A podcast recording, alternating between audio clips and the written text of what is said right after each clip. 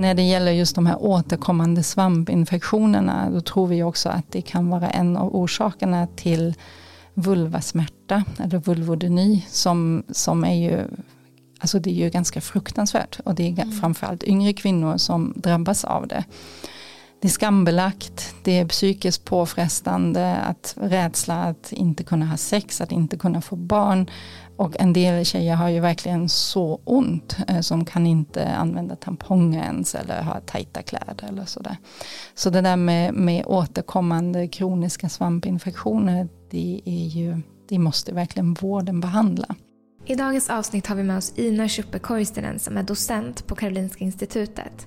Och vi kommer att prata om vaginans bakterieflora och varför det här är ett nytt och väldigt viktigt område inom forskning och framför allt inom forskning på kvinnor. Och vi kommer också passa på att slå hål på vissa långlivade myter när det kommer till vår kvinnliga kropp och sexualitet. Så det här avsnittet är superintressant och visar verkligen på var forskningen är på väg och allt spännande som hör till det. Och Ina är inte bara forskare utan hon är också författare till den viktiga boken Vulva, fakta, myter och livsomvälvande insikter som verkligen är tips att läsa. Och vill man följa Inas forskning och arbetet de gör på Karolinska så kan vi också tipsa om att följa Fembiome på Instagram.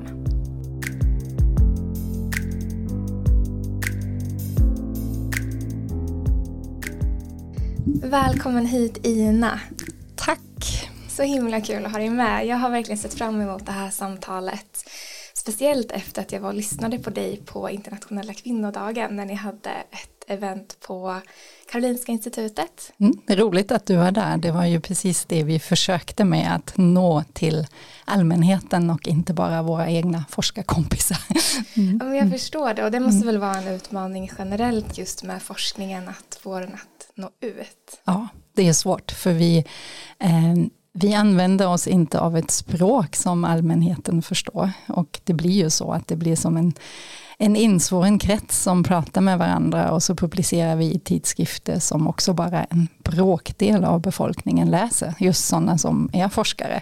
Så det är ju ganska, ganska viktigt. Det är det vi som vi på universiteten brukar kalla för vårt tredje uppdrag. Det första är ju att undervisa, utbilda, att forska och sen är det att sprida kunskap i samhället. Men det det finns inte så mycket, ja, varken motivation eller att man får uppskattning för det inom forskarvärlden. Så att det, det är inte riktigt så mycket som man önskar att det skulle, skulle vara. Men jag jobbar ju lite på det. Så.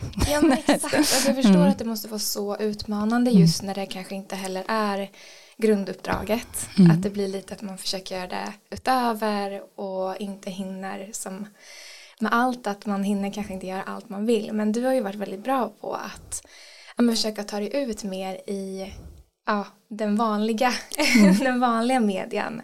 Bland annat med din bok som du släppte här nyligen. Precis. Mm. Ja, och jag tänker också mm. att målet med det här avsnittet är ju just att förenkla och nå ut med den här fantastiska forskningen som ni gör så att den kan nå ut lite tidigare än den här eftersläpningen som kan bli annars på några år. Mm. Nej men det är jag tacksam för, så det är roligt att komma hit. Mm. Ja men verkligen. Mm. Och det du forskar på är ju ja, men kvinnors kroppar framför allt, men specifikt på vaginalfloran. Mm.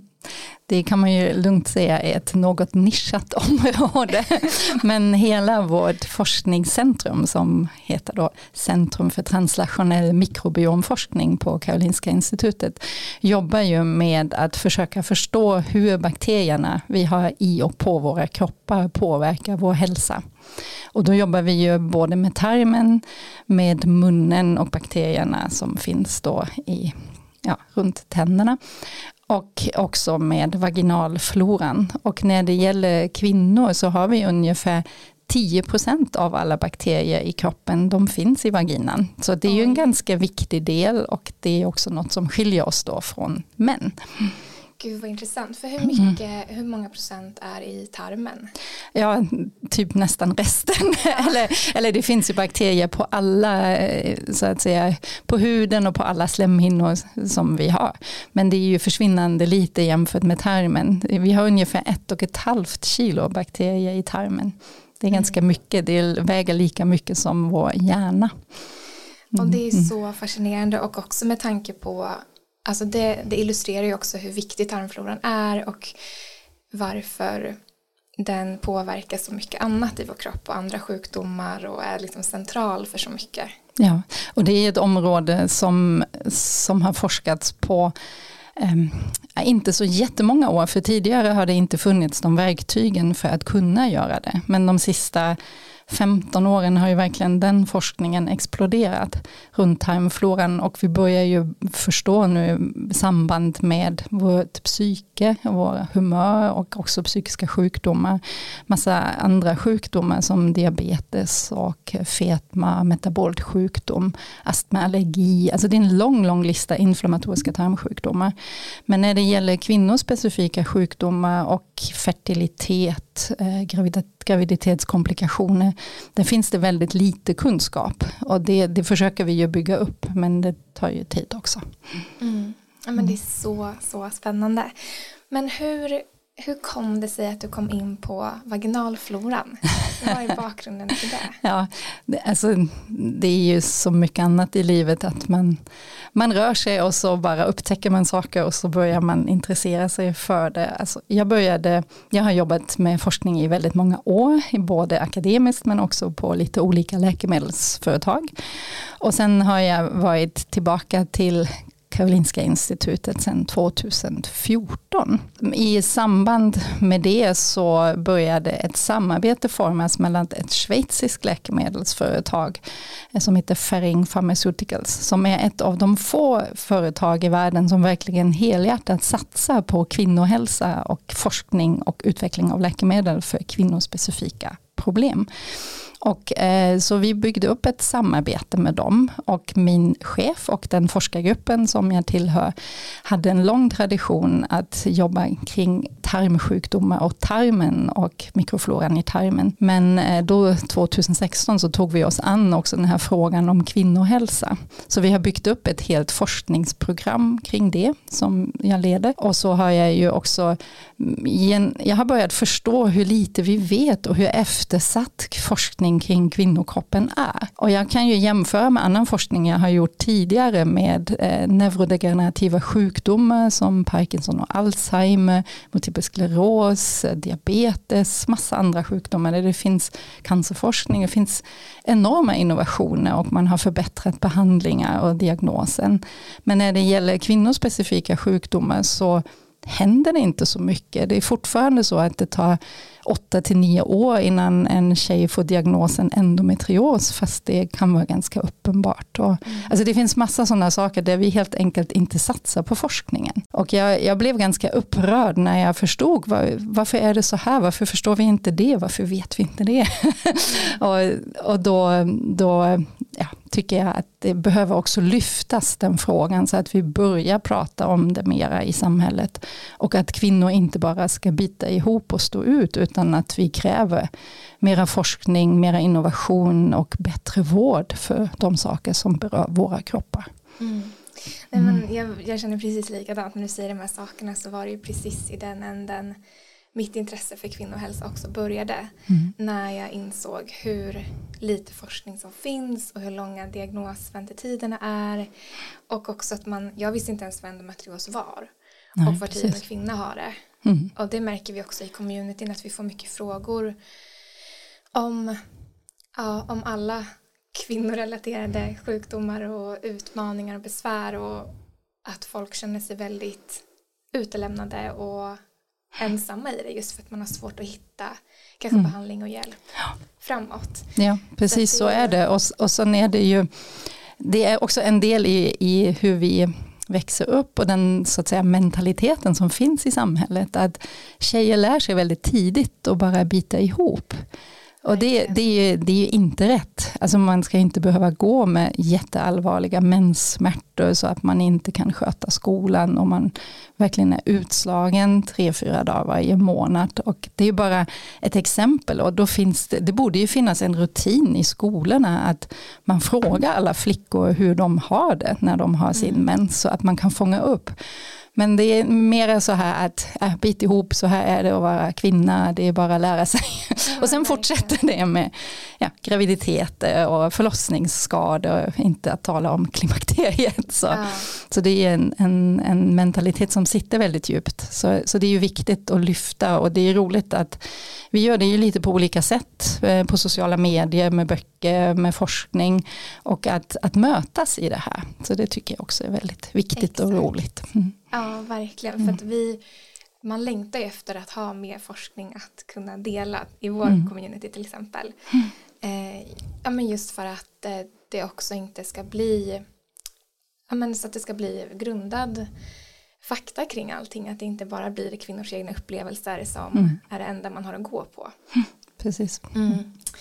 Men det här är så spännande och jag när jag var på den här föreläsningen som du höll på Karolinska så pratade du en del om vilken forskning ni gör just nu. Mm. Vilket ju är verkligen banbrytande forskning inom kvinnohälsa. Kan inte du berätta om den här studien ni har gjort kring vaginalfloran mm. och vad den Ja, vi gör ju flera studier parallellt. Men en av de stora frågetecken är ju att vi idag inte riktigt vet vad består vaginalfloran av hos friska kvinnor i Sverige. För det har inte funnits stora studier där man tittar på flera tusen kvinnor. Och sen är det sådana enkla saker som att hur påverkar till exempel menstruationer, hur påverkar eh, hormonella preventivmedel, olika hygienvanor, olika sexvanor. Alltså det finns ju tusen saker som kan påverka som vi inte riktigt förstår hur de gör idag. Och då har vi då startat stora provinsamlingar för att kunna kartlägga. Och då har vi till exempel i en studie som vi kallar för VAMI-gyn eller vaginal hälsa och gynekologiska besvär. Lite konstig förkortning. Eh, och den studien gjorde vi i samarbete med Mats Olofsson på Akademiska sjukhuset i Uppsala och så samlade vi prover på kvinnor som blev kallade till cellprovtagning. Och så tog vi vaginalsvabbar, på en del tog vi också fäses och salivprov och bad dem att fylla in en enkät så att vi just kan ta reda på vad använder de för mensskydd, tar de p-piller och så vidare. Mm. Så den håller vi på att utvärdera och publicera just nu. Så, och vi har Eh, inkluderat eller analyserat prover på ungefär 1500 kvinnor från den studien. Men vi har också gjort mera detaljerade studier, studier i samarbete med Rikshospitalet i Köpenhamn. Har vi tittat på friska frivilliga tjejer som pluggar på universitetet i Köpenhamn och jämfört just de tjejer som inte använder hormonella eh, preventivmedel, de som använder p-piller och de som använder en hormonspiral. Och där har vi sett då att använder man det här under en längre tid och den för oss var det då sex månader minst. Då verkar det inte finnas en skillnad i vaginalfloran oberoende vilket preventivmedel eller icke-preventivmedel man använder. Men däremot såg vi att menstruationen i sig påverkar. Så själva mensblodet ger ju näring för de eh, bakterier som finns i vaginan och också ökar pH-värdet. Mm. Så, och det var inte riktigt beskrivet. Så att vi tar små, små steg och försöker liksom reda ut en parameter efter den andra. Ja. Så, Men så det mm. innebär alltså att mm. av den anledningen kan det vara bra att menstruera? Eh, nej, tvärtom. tvärtom ja, för, alltså, jag tror att vi får ta ett steg tillbaka här och eh, att jag förklarar vad, vad vi vet om vaginalfloran. Alltså en frisk vaginalflora den är dominerad av mjölksyrebakterier eller laktobaciller.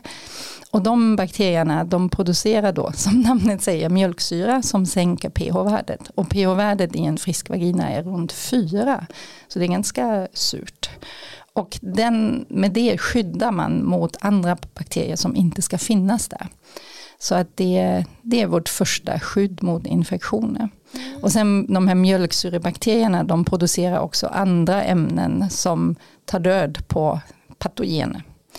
Som till exempel väteperoxid i små mängder, de producerar små peptider som, som dödar andra bakterier. Så de är väldigt, väldigt viktiga. Och när menstruationsblodet eh, kommer i kontakt med den här vaginalfloran som det då gör under en vanlig mens då höjer pH-värdet, höjs pH-värdet för blod är ju neutralt, ungefär pH 7. Plus att det tillförs massa nutrienter i blodet som de andra bakterierna som vi inte vill ha där eh, kunna, kan leva av. Så, så att det, det skiftar då till ett som liknar lite mera en dysbios eller en obalans i vaginalfloran. Men hos de flesta så går det tillbaka till den här lactobacillus dominansen efter blodet är borta. Så om man eh, har problem med balansen i vaginalfloran så kan det vara ganska bra att använda en menskopp till exempel så att blodet inte kommer i kontakt så mycket med vaginan. Åh, vad mm. intressant.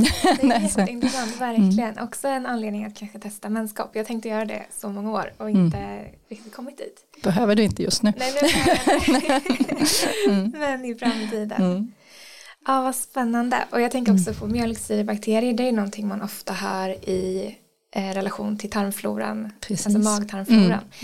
Eh, och att det är någonting man till exempel kan tillsätta om man har problem med ja, bakteriefloran. Det är tyvärr inte riktigt så enkelt som det låter för att det är speciella sorter av mjölksyrebakterier som trivs just i vaginan mm. och som binder väldigt tätt till slemhinnan i vaginan. Och de finns i tarmen, de finns dock i väldigt små mängder i tarmen. Och idag finns det inga sådana här probiotiska produkter vi kan köpa som innehåller precis rätt sorts laktobaciller. Mm. Tyvärr. Så att eh, jag skulle hemskt gärna rekommendera men det går inte riktigt för att eh, de, den arten av laktobaciller som vi förknippar med god hälsa och då har vi tittat på många forskningsstudier och slagit samman den forskningen och tittat på vad ska finnas för maximal hälsa, en lyckad graviditet och fertilitet och så. Det är en, en art som heter Lactobacillus crispatus och sådana produkter finns det inte att köpa så vitt jag vet. Mm. I Sverige. Men det känns ju verkligen som ett mm. område för framtida. Ja, vi jobbar ju på det. Så ja. parallellt, eh, vi har ju flera spår med vår forskning, men en är ju som jag sa att förstå vad som är normalt, vad är frisk och vilken sammansättning av bakterier kopplas då till minskad fertilitet och komplikationer under graviditeten. Men samtidigt jobbar vi också rent mikrobiologiskt, att vi odlar bakterier från vaginan från friska kvinnor och så karaktäriserar vi de olika stammarna av eh, bakterier och så försöker vi välja ut dem som vi helst då skulle vilja ha som behandling. Men det är ju en längre process så det kommer nog ta ett tag. Men vi jobbar på det. Ja, men bara att det är på gång mm. är ju väldigt positiva nyheter. Mm. Mm. Jag tänkte också på ett exempel från en studie du pratade om på den här föreläsningen var, var att ni gjorde tester hos gravida kvinnor. Mm. Eh, med saliv. ja, alltså tester kan man inte säga men vi gör på samma sätt som, vi, som jag beskrev tidigare så kartlägger vi bakteriefloran hos gravida kvinnor för att kunna förstå samband Eh, mellan olika graviditetskomplikationer och bakteriefloran. Och då tänker vi framför allt på för tidiga förlossningar. Som vi har då, det finns stu mindre studier men kanske hundra kvinnor som pekar på att de kvinnor som har fött för tidigt har också haft en obalans i vaginalfloran och tarmfloran. Så det försöker vi då förstå på ett stort material och då startade vi en studie som vi kallar för vår SVEMAMI-studie, eller det svenska maternella mikrobiomprojektet. Eh, och det projektet rekryterade kvinnor mellan 2017 och 2021. Så vi har hållit på några år, men mm. vi har nått ut till hela Sverige, så vi är faktiskt väldigt stolta över det. Vi jobbade då med sociala medier och appar för, för rekryteringen till studien. Och det var hemprovtagning så det gick bra att samla ett prov någon annanstans i landet och skicka in med posten istället för att behöva gå till en mödravårdscentral. Så och där har vi ungefär 5000 kvinnor som är med i vår studie och vi samlade då saliv för att titta på bakterierna i munnen, ett eh, avföringsprov för bakterierna i tarmen och ett vaginalprov för att se vilka bakterier som finns där. Och just nu håller vi på att utvärdera eh, proverna så att det jag tror totalt har vi samlat ungefär 40 000 prover så att ja. det är ett väldigt stort arbete ja. och så har vi enkäter vid tre tidpunkter och prover vid tre tidpunkter. Tidig graviditet eh, kring vecka 28 och 30 och sen efter förlossningen. Och så har vi också samlat prov på ett eh, avföringsprov från barnet från blöjan efter ungefär fem sex veckors, i fem, efter fem veckor efter förlossningen. Så att då kan vi sen följa hur går det för de här barnen och vilka sjukdomar utvecklar de och kan vi koppla det till bakteriefloran hos mamman. Wow. Så det är ett stort projekt och det här kommer vi jobba med i många, många år. Vi har precis då publicerat beskrivningen av själva kohorten och så har vi jämfört hur representativ är den gruppen kvinnor vi har tagit prover ifrån mot alla kvinnor i Sverige som har varit gravida under den tiden. Men vi lyckades bra, så att de är något, har en lite högre utbildning och fler är födda i Sverige än genomsnitt. Men en, det är en representativ grupp av kvinnor och eh, nu tittar vi i första stora studien, vi tittar på det här med för tidiga förlossningar. För det är ett riktigt stort problem. Eh, vi har ungefär 5% för tidiga förlossningar i Sverige, så det är ungefär 7000 barn per år som föds för tidigt. Och det har ju stora konsekvenser för hälsan för barnet och mångåriga konsekvenser för en del barn som är väldigt tidigt födda. Så vården av sådana här prematura barn har ju blivit mycket, mycket bättre de senaste 10-15 åren. Men vi har fortfarande inte lärt oss att förebygga så att själva antalet barn som föds för tidigt är ungefär lika stor. Och det är det som vi försöker med den här forskningen att titta då på vår del med mikrofloran, om det kan påverkas. Och framförallt skulle vi då vilja kunna utveckla ett sätt att testa gravida mammor, för att om de har en risk så ska man kunna veta om det och eh, hjälpa dem så att de inte föder för tidigt.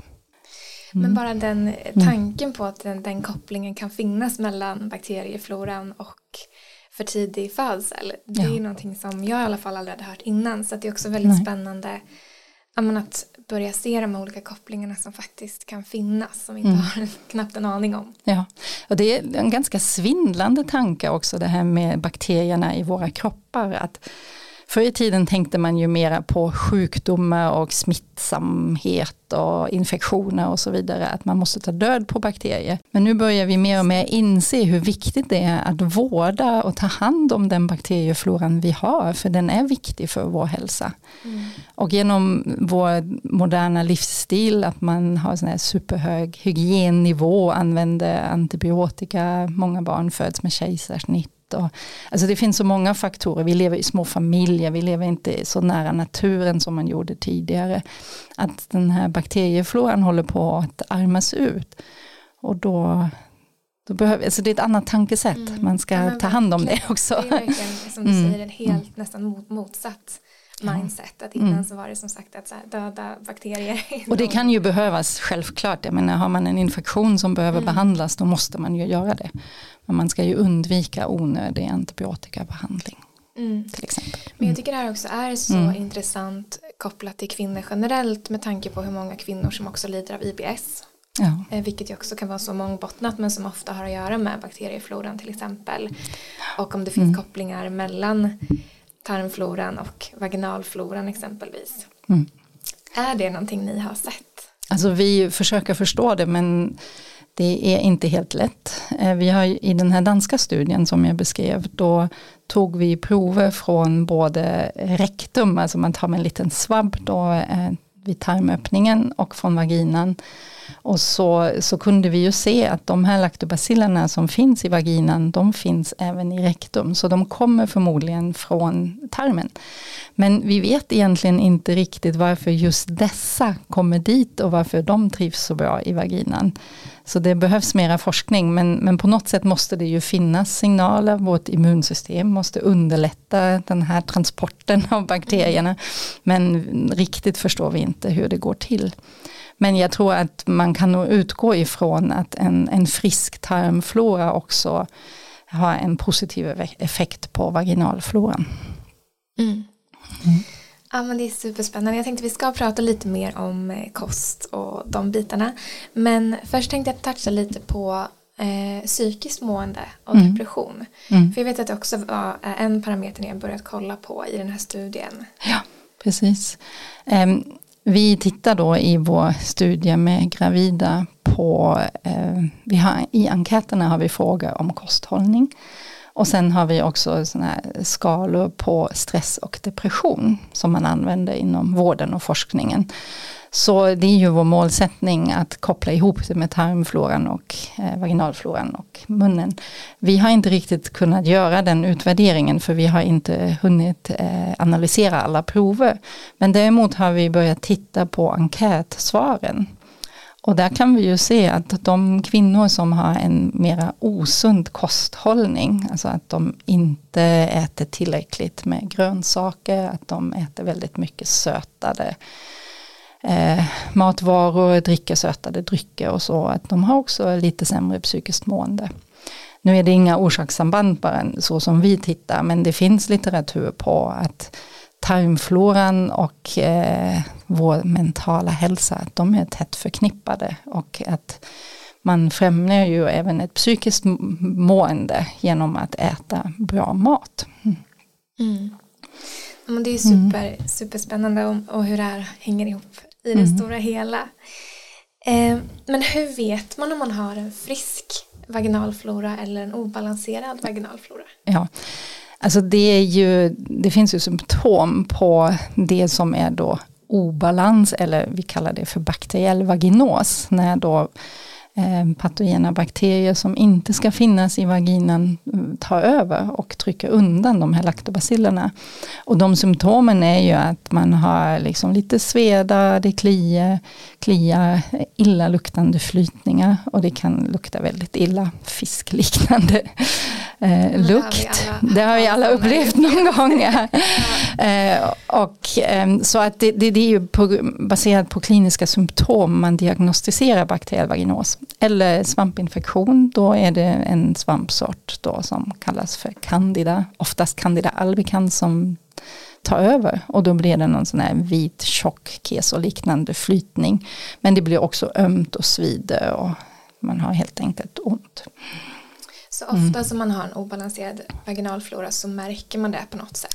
Ja, och sen finns det i, i just den här stora studien som jag berättade om som vi har gjort i Uppsala. Då hade vi eh, analyserat prover från 1500 kvinnor och det är bara 11 procent som rapporterade symptom då som kan kopplas till bakteriell vaginos eller svampinfektion. Men sen såg vi att egentligen kanske 30-35 procent hade en obalans, att de inte hade dominans av laktobaciller, men dessa kvinnor hade inga symptom. Och det här, det här det blir lite jobbigt för oss också som forskare, för att um, vi vet idag inte riktigt att de här riskerna som är förknippade med en obalans, att de när de inträffar. Är, det, är, man, är man frisk, har inga symptom fast man har andra bakterier i vaginan. Är det då en risk att ha problem med fertilitet eller ha graviditetskomplikationer? Vi vet inte riktigt idag. Men vi försöker ta reda på det och det finns en del data som pekar på att de här laktobacillerna behövs för ett friskt liv. Men vi har inte heller någon bra behandling utan bakteriell vaginos och eh, svampinfektioner de behandlas ju med antibiotika eller svampdödande medel. Och det vill man ju inte sätta in i onödan om kvinnan inte har symptom. Så det här är en svår fråga som, mm. som vi brottas med. Och så mm. viktig. Ja. Mm. Verkligen, för om det har att göra då med fertilitetsproblem, det kanske skulle kunna vara en av orsakerna till de här um, fertilitets problemen som är oförklarliga i Precis. Det finns ju många skäl till fertilitetsproblem hos kvinnor och, och, det kan vara en av komponenterna just i de som då kallas för oförklarlig infertilitet där man inte har hittat någon organisk orsak att det är fel på äggstockar eller livmodern eller hormoner eller något sånt. Mm. Men precis, för jag tänker att det, mm. den tydligaste utmaningen brukar ju vara kanske utebliven eller oregelbunden ägglossning som är väldigt mm. tydlig och lättförklarlig. Men sen finns ju verkligen de här fallen där ja, man ställs utan en ja. diagnos eller förklaring mm. och då är det ju svårt att göra någonting åt det. Precis. Och det är mm. det man vill komma mm. till att hitta lösningar. Vi gör faktiskt en studie med eh, fertilitetsfrågan mera riktat också i ja, vi har börjat i Stockholm men också Uppsala och snart ska andra sjukhus delta i den studien och den gör vi i samarbete med en professor på KI som heter Kelly Kenny Rodriguez Wallberg. Hon är fertilitetsexpert. Och där samlar vi då på, en, på IVF-kliniker och eh, samlar då vaginalfloran och tarmfloran för att kunna se vilka kvinnor som lyckas då med en graviditet och kunna koppla till bakteriefloran. Och samtidigt behöver vi också en bra kontrollgrupp där vi vet att kvinnor är fertila. Och där har vi en väldigt eh, spännande design att vi samlar prover på de här mödravårdscentralerna där kvinnor kommer för att ta ut sin hormonspiral eller p-stav eller något liknande. Och de kvinnor vi inkluderar i studien de har fortfarande samma partner och de har redan fött ett barn så vi vet att de är fertila. Så det kommer vi försöka jämföra med varandra för att just eh, förstå mera om det här med själva fertiliteten och eh, hur äggcellen kan fästa i livmodern om, om bakteriefloran spelar roll. Då. Mm. Men det finns en del data som, som tyder på det från internationell forskning. Det är jättespännande mm. verkligen. För det är också någonting när det kommer till IVF och hur man kan påverka fertilitet positivt genom livsstilsförändringar och sådär. Att då blir det ju ofta mycket fokus på men förbättra äggkvalitet och cellkvalitet alltså, och kroppens mående generellt. Mm. Men det här är ett helt mm. odiskuterat område. Ja, fast samtidigt i kroppens mående tror jag nog att det ingår ju ja. eh, till en stor del. Men, ja. Mm. ja, vad spännande. Och jag tänker på det här, om man vet att man har en eh, obalanserad vaginalflora, du sa att det man kan behandla med är ju till exempel antibiotikakurer eller sådana svampdödande mm. eh, kurer. Mm. För det vet jag att man hört att man inte ska ta för ofta och att man ska vara försiktig. Eh, för jag vet att förr om åren när jag hade eh, svamp till exempel att då försökte jag att inte behandla om jag mm. inte verkligen, verkligen måste. Och sen samma sak med bakteriell vaginos. Mm. Så att kroppen har väl också ett sätt att balansera, alltså att ja, försöka ja. hela tiden att bli balanserad.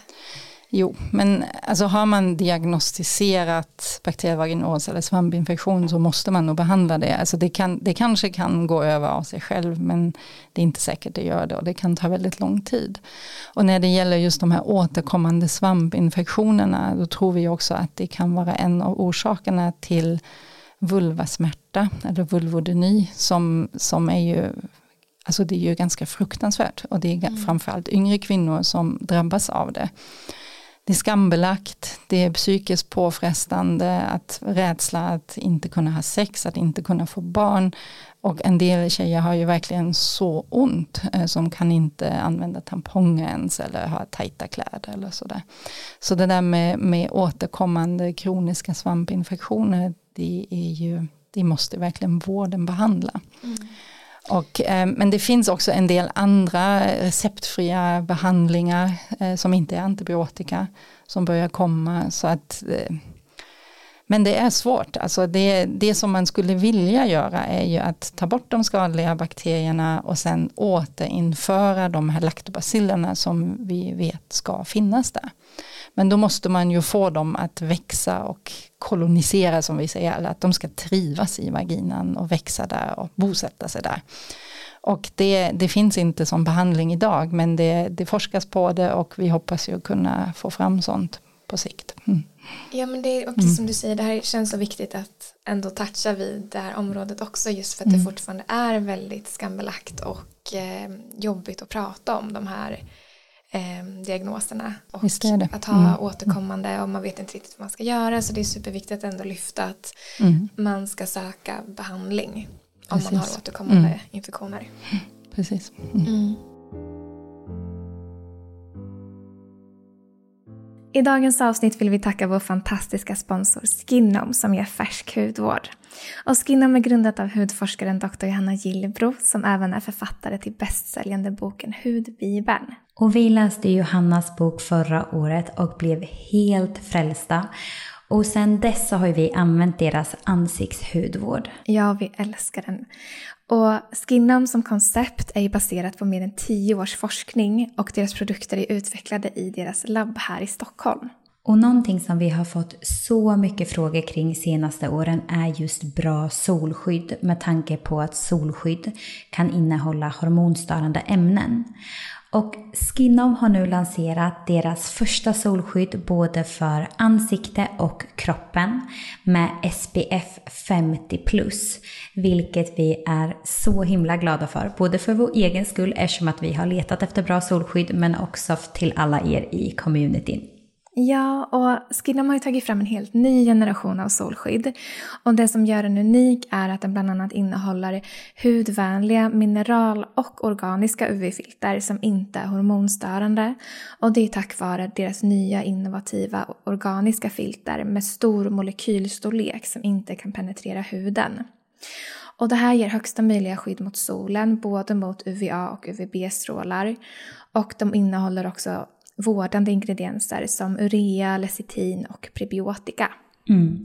Och båda de här solskydden minskar risken för UV-inducerade tecken på åldrande som pigmentfläckar och trasiga blodkärl. Och de är också helt fria från konserveringsmedel för att inte störa hudens egna mikrobiom. Och de är också parfymfria och helt utan onödiga tillsatser, vilket vi älskar. Ja, och vi har ju fått äran att dela med oss av en rabattkod till er. Så om ni uppger koden WomenSync20 så får ni 20% rabatt på deras hemsida. Och där kan ni också läsa mer om deras produkter.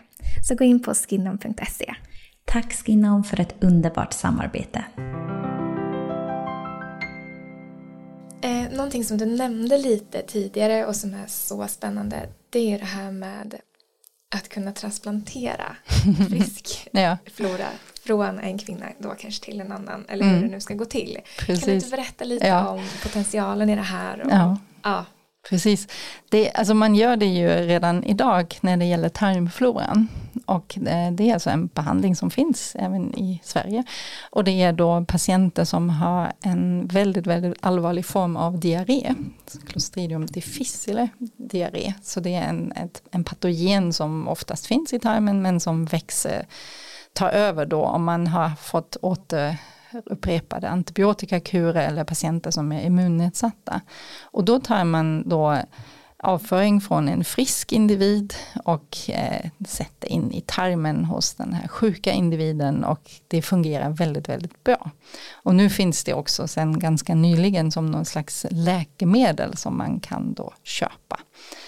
Eh, problemet med det här är ju att man måste ju vara väldigt, väldigt säker på att den individen man tar den friska bakteriefloran ifrån är helt frisk. Så man måste testa massa bakterier och virus och ja, saker som man, om det finns cancerceller, alltså det finns ju massa som man, sjukdomar man kan föra över till en annan person. Och när det gäller vaginalfloran så hittills finns det egentligen en studie publicerad och det är bara fem kvinnor som har genomgått den här transplantationen. Men jag vet att det är väldigt många stora studier som är på gång som kommer att publiceras så småningom. Men där är då utmaningen att samla tillräckligt med vaginalsekret för det är ju inte så stora volymer som vi producerar. Testa dem så det inte finns då patogena bakterier, att det inte finns virus som HPV eller HIV och eh, streptokocker, alltså det är massa saker som man inte vill överföra. Så att när, när det är testprogrammet är klart då ska man då kunna överföra. Och det har ju visat sig i de här kvinnorna som behandlades i den studien att fyra av fem blev ju verkligen botade sin BV som inte kom tillbaka. Den femte kvinnan var lite sådär halvt halvlyckad behandling. Men det är väldigt, alltså det är utmanande och det är, var ska man hitta de här superfriska kvinnorna? Ska man gå till ett kloster? alltså det, så att det är inte så lätt. Eh, och när det gäller vaginalfloran så vet man ju också att de här laktobacillerna är det viktiga. Så man kanske inte ens behöver ha en, en vaginalflora från en frisk kvinna som innehåller massa olika bakterier. Utan man ska kunna då fokusera på de här laktobacillerna. Så jag tror att det är en mera framkomlig väg. Men det finns en del studier som pågår då där man överför vaginalfloran från friska kvinnor till sådana som behandlas då mot bakteriell vaginos. Men det är ju jätteintressant och som mm. du säger det är ju också vad det visar på för potential. Ja. Att mm. det kanske som sagt inte handlar om transplantation utan man kanske kan renodla vissa bakterier som Precis. krävs. Ja. Mm. Jag tänker också på tal om det här med att överföra bakterier så pratade jag med en i ditt forskarteam efter föreläsningen mm. som mm. hade fött barn nyligen med kejsarsnitt. Och då berättade hon att hon hade bett att få bli baddad med en handduk som sen baddades på barnet. Mm. Just för att föra över eh, bakteriefloran. Precis. Ja. Hur, eh, ja, hur, hur kan man tänka kring det? Ja. Det något, är det någonting man borde göra eller kan ja. be om? Det, det, är någonting som vården i Sverige inte erbjuder idag. För det inte finns tillräckligt eh, välgjorda studier så att man verkligen har evidens att det här fungerar. Men vi vet ju att bakteriefloran överförs från mamman till barnet under själva förlossningen då via vaginalkanalen med alla laktobaciller och allt som det innebär. Men barnen föds ju faktiskt också med näsan ner mot mammans rektum så att man, alltså nyfödda barn får ju en skjuts av tarmfloran också som de sväljer och så börjar de liksom kolonisera tarmen. Så att de bakterierna, de ska ju tillföras egentligen för en Eh, utveckling av en frisk och normal eh, tarmflora. Så vi gör faktiskt i samarbete med massa andra en stor studie i Sverige som, eh, där vi försöker göra det på ett kontrollerat sätt. Så det är 300 kvinnor som ingår. 100 av dem föder vaginalt som vanligt och sen är det 200 som föder via kejsarsnitt. Och eh, de kvinnorna, hundra av de här kejsarsnittskvinnorna, de får alltså en steril duk insatt i vaginan innan förlossningen under en timme eller något sånt, jag kommer inte ihåg. Och sen så, så tar man ut den här duken, förvarar den då i ja, en sån här inkubationsskåp mellan kejsarsnittet görs och sen smör man in barnet då så har vi ett schema hur det här barnet ska strykas så det kommer i kontakt då över munnen och näsan och på kroppen med de här bakterierna. Och det är både mammans vaginalflora och eh, tarmflora man har på då. Och sen 100 kvinnor genomgår kejsarsnitt och så får de då en steril duk. De här barnen blir insmorda med en steril duk. De blir behandlade på samma sätt men de får inte på sig de här bakterierna.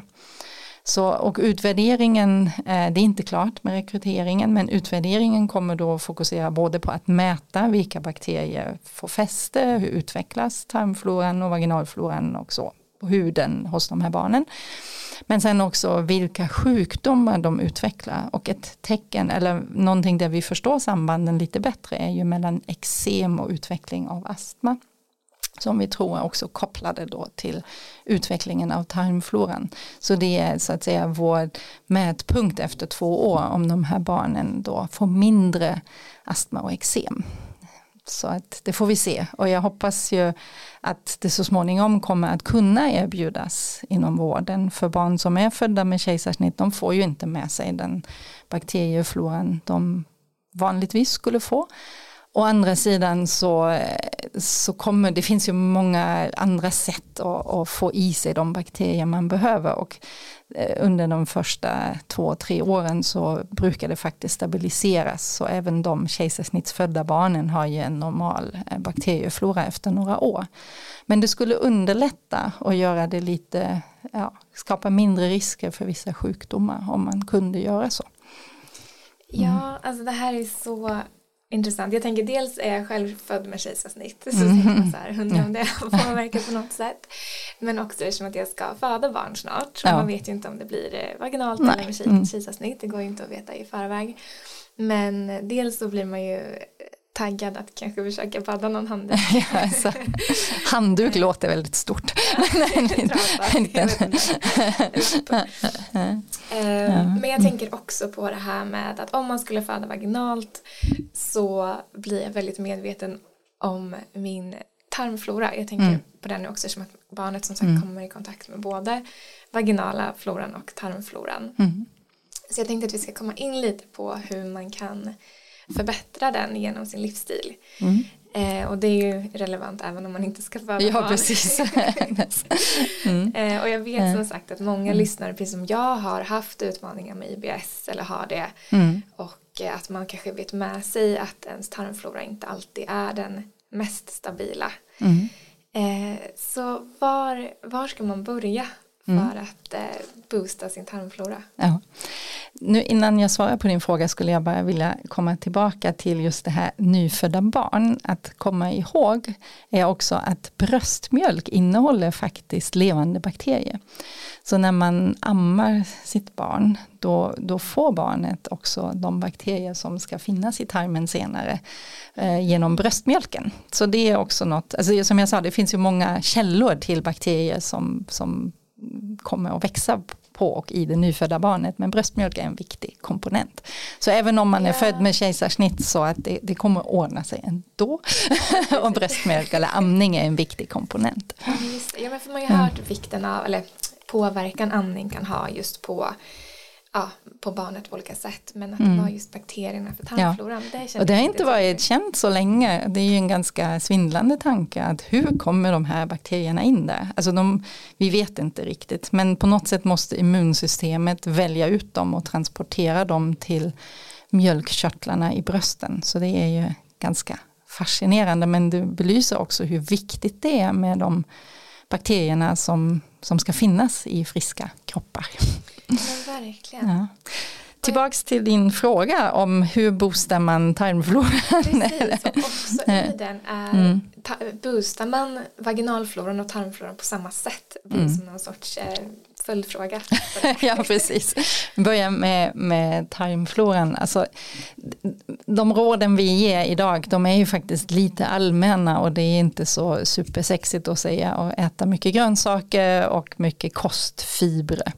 Men det är oerhört väsentligt. För de bakterierna som, som är så viktiga för vår hälsa i tarmen, de finns i tjocktarmen. De lever alltså på kostfibrer som vi själva inte kan tillgodogöra oss.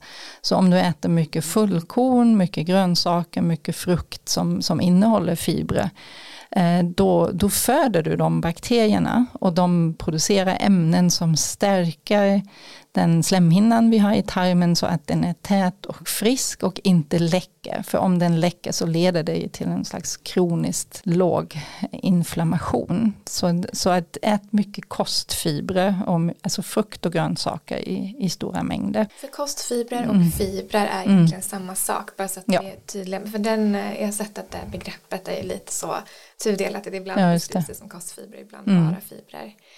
Eh, så exempel på där man hittade är främst grönsaker, frukt. Mm. Och fullkornsprodukter, havregryn yeah. och rågbröd och allt sånt där. Ja, men för det också, Bönor och ja, alltså. Ja, ja. Mm. För det är någonting som är intressant, till exempel vi har ju en produkt som heter Chicaros som innehåller cikoria som är mm. inulin. Just det, det är, det är, en, det är en fiber. Mm. Eh, så det finns ju också i vissa så oväntade produkter som ja. man kanske inte tänker på. Ja, det är sant. Mm. Så det är en komponent och den andra komponenten är ju att um, äta de levande bakterier som, som man kan tillgodogöra sig genom maten, alltså fermenterade livsmedel. Och där ingår ju då yoghurt och kefir och kimchi. Och det finns ju, alltså fermentering har ju använts under århundraden för att kunna konservera mat och eh, har alltid varit en viktig komponent i mänsklig kost. Och våra kroppar är ju så att säga anpassade för det. Så fermenterade livsmedel eh, är, väldigt viktiga och de innehåller så många flera sorter bakterier än att du köper probiotika på någon hälsokost eller apoteket. De innehåller ju då jag vet inte, några stammar och eh, i ganska liten mängd. Men äter man till exempel surkål, vi analyserade på skoj kefir och surkål på vårt labb någon gång. Och det var ju över 500 olika arter av bakterier vi hittade i det. Så att det är väldigt Oj. mycket bredare och reflekterar mycket mer av vad som verkligen finns i tarmen. Ah. Så sådana livsmedel är också att rekommendera. Så till exempel mm. turkisk yoghurt, kefir, kimchi? Ja, surkål. Eh, vad finns det mer? finns hur mycket som helst. Oliver är fermenterade och eh, ostar, olika sorter. Och det, lagrad eh, ost. lagrade ostar och eh, en del, eh, till och med salami är ju eh, fermenterat kött. om man nu äter det. Men, mm. men, så att det, det är egentligen ganska vanliga livsmedel. Men med mycket yoghurt och kefir, kombucha och ja. Just det. Mm. Men det är ju superbra att också påminna sig själv om ja, men de fördelarna med det. Att mm. det faktiskt innehåller så stora mängder jämfört med kanske då ett kosttillskott. Precis. Mm. Och sen finns det ju saker man ska undvika och det är ju konserveringsmedel eh, och eh, högprocessad mat helt enkelt som innehåller ja, konserveringsmedel och massa tillsatser, ja, alla ämnen och så som man i största mån kan försöka undvika för att vi en del förstår vi men ganska mycket har vi ingen aning vad de gör med eh, bakteriefloran. Men meningen med många livsmedelstillsatser är ju att just hålla undan bakterier och konservera mat. Så att det är ju inte bra för tarmfloran generellt. Alltså när du säger mm. det på det sättet så blir det ju mm. självklart. Ja, Som sagt, precis. varför har man de här ämnena i processad mat? Jo, mm. för att den ska klara sig på hyllan och för att klara sig på hyllan så behöver man hålla undan bakterier och ja.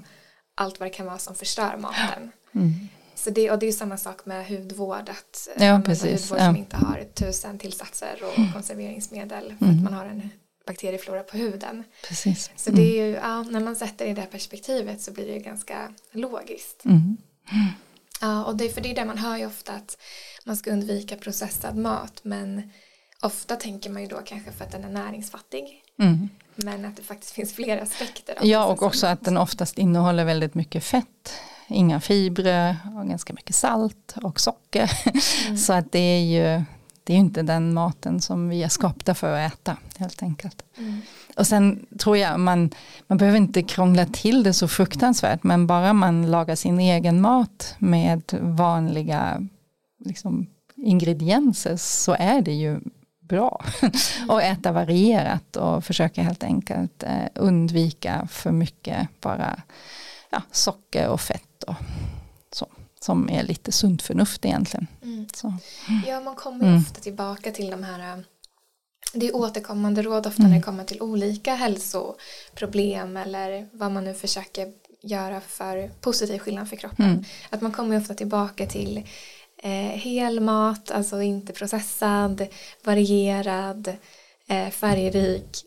Ja, allt det här. Men mm. det är intressant att höra också utifrån de här olika perspektiven. Att mm. ja, men just det, de här sakerna kanske dödar bakterier snarare än frodar bakterier. Precis. Att man får fler. Och sen när, när det gäller forskningsläget så är ju medelhavskosten är ju den som har eh, beskrivits som den som är eh, nyttigast och eh, det finns forskningsbelägg att den verkligen är bra för vår hälsa. Mm. Och främjar tarmfloran samtidigt då genom att den innehåller mycket grönsaker och frukter och kostfibrer och fermenterade livsmedel också. Ja men precis, för där mm. kan man ju tänka oliver, turkisk yoghurt eller grekisk yoghurt. Precis. Mm. Eh, och sen mycket som sagt olivolja och, och mm. färska, färska livsmedel. Mm. Nötter är också viktiga, både fibrer och nyttiga fetter. Och så att, men det ingår ju i medelhavskosten också. Mm. Mm. Ja men det är det finns, det är där har man ju verkligen sett forskningen de senaste åren kring det här med de blå zonerna och mm, de bitarna. Och det är samma mm. sak i Japans blå zon, att där är också mycket fermenterat. Eh, så det Just det, miso är ju också fermenterad. Ja. ja. Mm. Eh, jag börjar dricka eller äta mycket mer miso nu. Dels är min eh, fästmans mamma från Japan. Okay. Mm, eh, mm. Men också att jag försökt börja äta det lite mer till frukost. Mm. Det är lite spännande när man är van vid västerländsk frukost att mm. äta någonting som är varmt och lite mer salt. Att vi har ju också så mycket vanor som inte alltid är bra för oss. Speciellt när det kommer till kost och livsstil. Ja, spännande. Mm.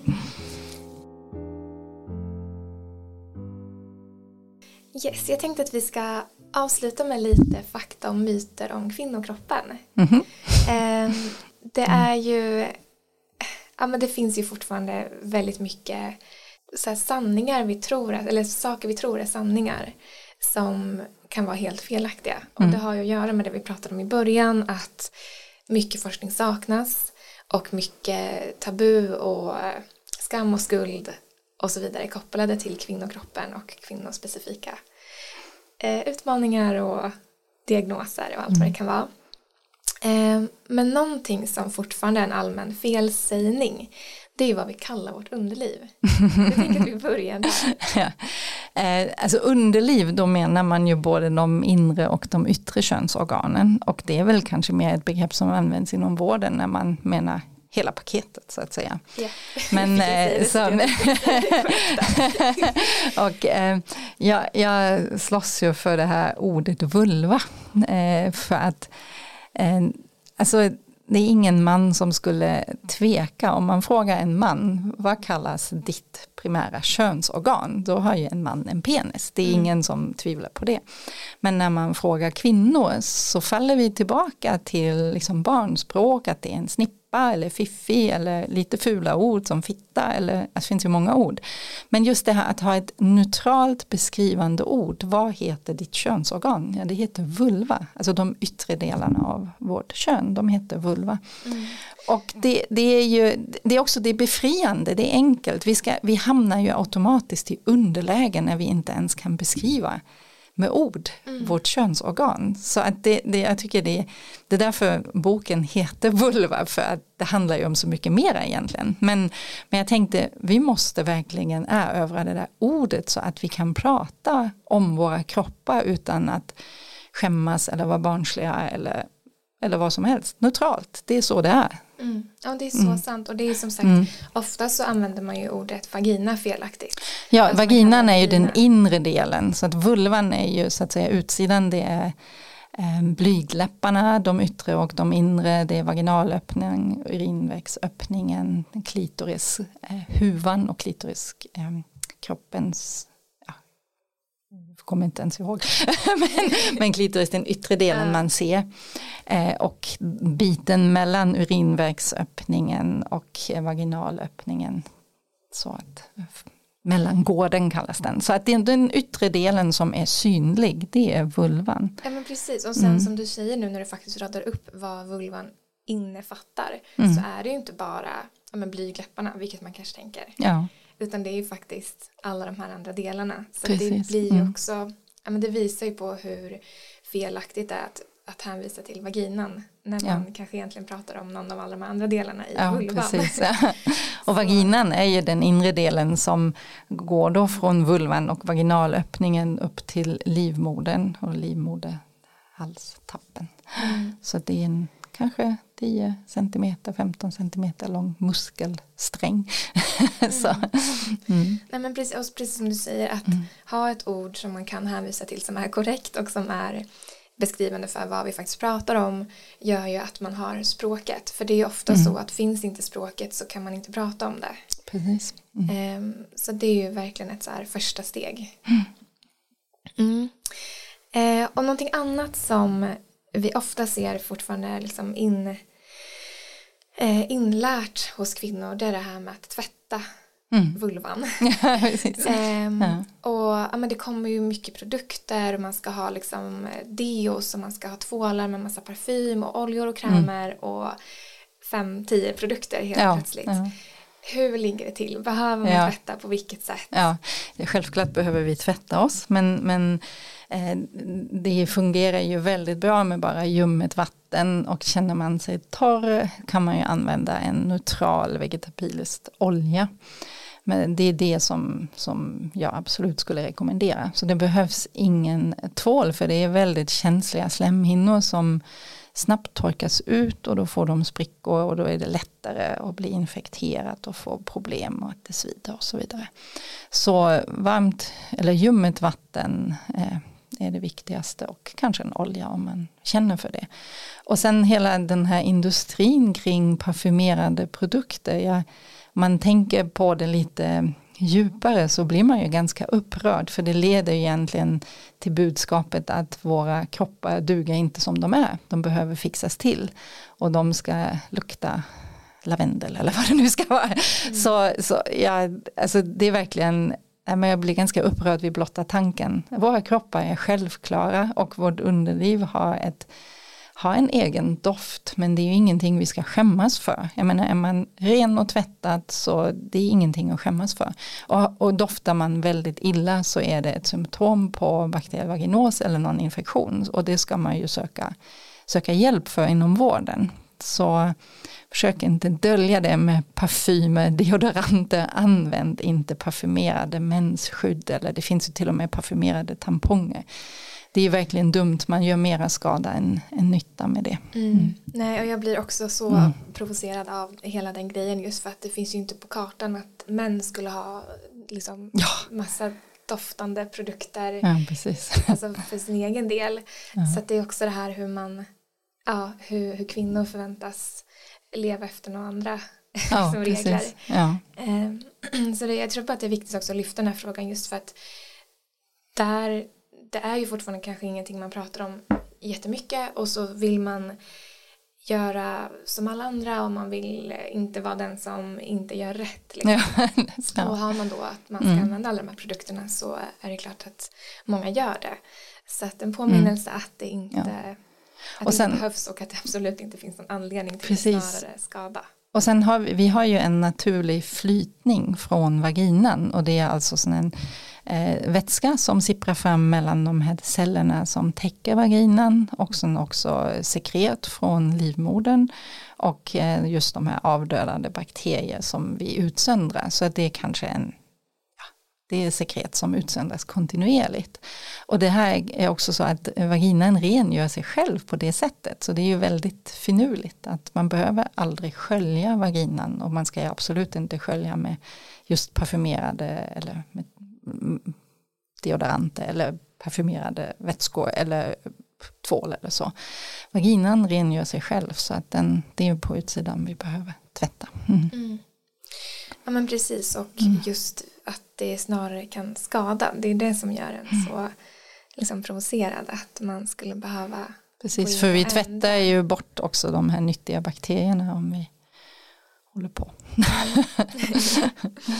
och men på tal om doft så mm. någonting som man läste om när man var tonåring i sådana här tonårstidningar mm. eh, det var ju att man också skulle kunna påverka eh, doft genom vad man åt till exempel. Alltså skulle ananas vara något så här super... Eh, Just det, ät super... ananas för din vagina ska ja, smaka sött. Eh, men ja. Det låter ju kanske inte riktigt sant. Är det det? Nej, det är nog inte sant heller. Alltså det finns ju inga genvägar från vår mun och tarm till vaginan för specifika doft och smakämnen utan all mat vi äter bryts ju ner till sina beståndsdelar i tarmen och tas upp av blodet och cirkuleras runt i hela kroppen. Så att det, det påverkar inte. Så Ja. Men mm. när det kommer till det här med svamp så är en mm. annan sak som jag har hört mycket det är att man kan få ökad risk för svamp om man äter godis och vitt bröd.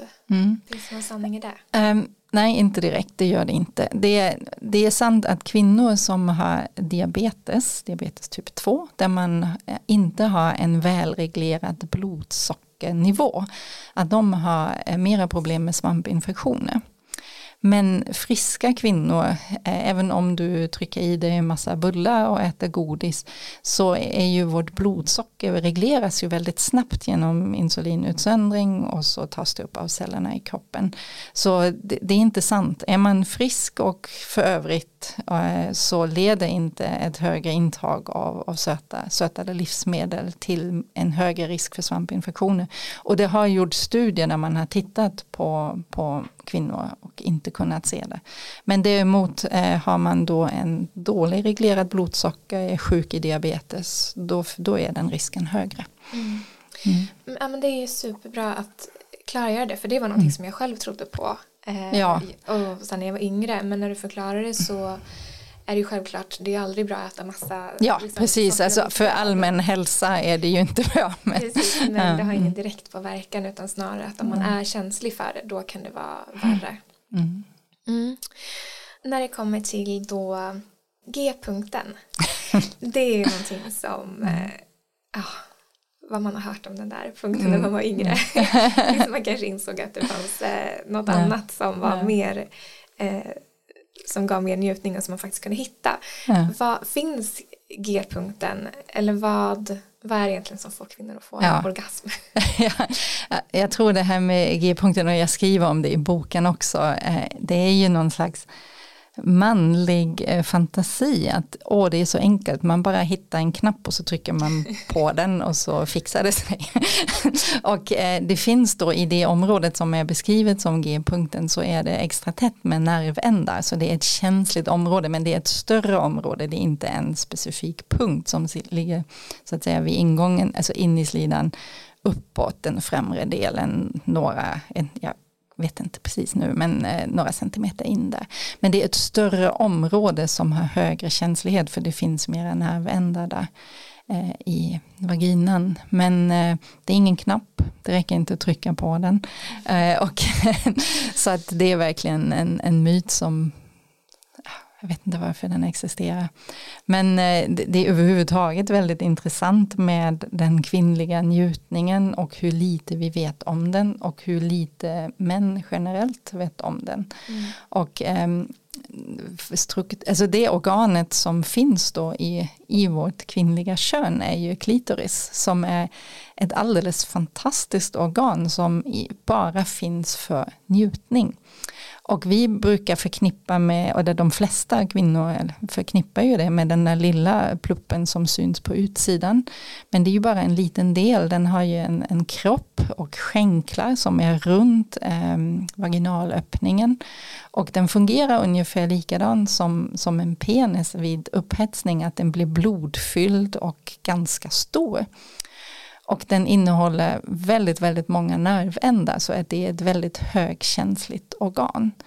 Och eh, den beskrevs i sin struktur och funktion komplett först i slutet på 80-talet. Det är också så 30 år efter att människan har varit på månen har man kommit på att man även ska studera den kvinnliga kroppen. så att det, det, är verkligen, eh, och det, det, finns väldigt mycket missförstånd kring det här med um, klitoris och överhuvudtaget kvinnlig njutning. Att många kvinnor har svårt att få en orgasm bara genom penetrerande sex. Att det behövs verkligen en beröring av klitoris. Det är som att säga att en, en man skulle ha sex utan att penis berörs. Det låter ju ganska otänkbart för män. Mm. Men eh, många kvinnor har liksom dåligt samvete för att de har svårt att känna en orgasm. Så att det kan vara, eh, det kan vara bra att kolla upp hur klitoris är beskaffat. Det finns beskrivet i boken också. Mm. ja, verkligen, det är verkligen mm. mm. så galet att den här forskningen är så ny. Ja. Eh, mm. För jag vet också när jag gjorde mitt masterprojekt på det här att jag läste om hon eh, australiensiska forskaren som har liksom kartlagt just klitoris mm. eh, och hur, ja, men, hur klitoris alltså fungerar och ser ut i helhet och inte bara den här ja, lilla lilla precis, eh, huvan. Ja. Och det här var ju så här mm. typ 2015, alltså det var liksom ja. Ja, jättenyligen och det gör ju också att man blir helt ja, men förtvivlad ja, det kan vara så. Ja. Och det är inte konstigt då att ja, men så många kvinnor har utmaningar när det kommer till njutning och att män inte vet vad de gör. Eh, för att det, det, kunskapen har inte funnits där. Mm.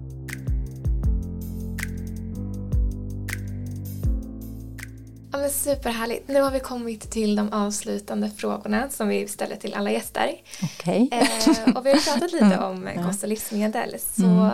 jag tänkte höra vilket är ett livsmedel eller någon mat som du inte skulle vilja vara utan? Oj, ja, frukt och bär skulle jag nog säga. Att det, det känns både gott och nyttigt och jag skulle inte vilja vara utan mina bär i morgonyoghurten. ja, underbart, samma mm. här. Mm. Eh, och om du fick tipsa om en bok förutom din egen då, eh, vilken skulle det vara? Nej, men jag tänkte ju tipsa om min egen bok nu. För jag tänkte att det är som sagt så mycket missförstånd och mycket okunskap om det kvinnliga könet så att jag tror att de flesta kvinnor skulle ha stor nytta av att, att läsa den. Verkligen. Mm. Ja, men det är så. verkligen en sån bok som är eh, ja, men bara sån grundläggande kunskap som vi alla borde ha med oss men mm. som så ser inte läget ut. Ja. Eh, så det är verkligen ett lästips. Mm. Eh, och om du fick ge ett råd till ditt 16-åriga jag, vad skulle det vara? Också en svår fråga. Jag tänker att det vore ju fint, eh, lilla unga Ina, om du skulle ha tänkt lite mera på dig själv och mindre på att vara andra till lags och bry sig om vad de tycker och lär dig kommunicera med din omgivning om dina egna behov. Så att det tipset skulle jag nog vilja ge till andra unga kvinnor och skulle ha behövt när jag var 16. Mm. Jättefint och viktigt och jag tror mm. många kvinnor i våra egna åldrar också kan behöva påminnas om det. Ja. Mm. Ehm, fortfarande. Mm. Mm. Ja, men vad fint avslutande eh, råd. Det har varit jättekul och intressant att prata med dig Ina. Så tack snälla för att du har varit med. Mm. Detsamma, väldigt roligt att komma hit och tack. Tusen tack.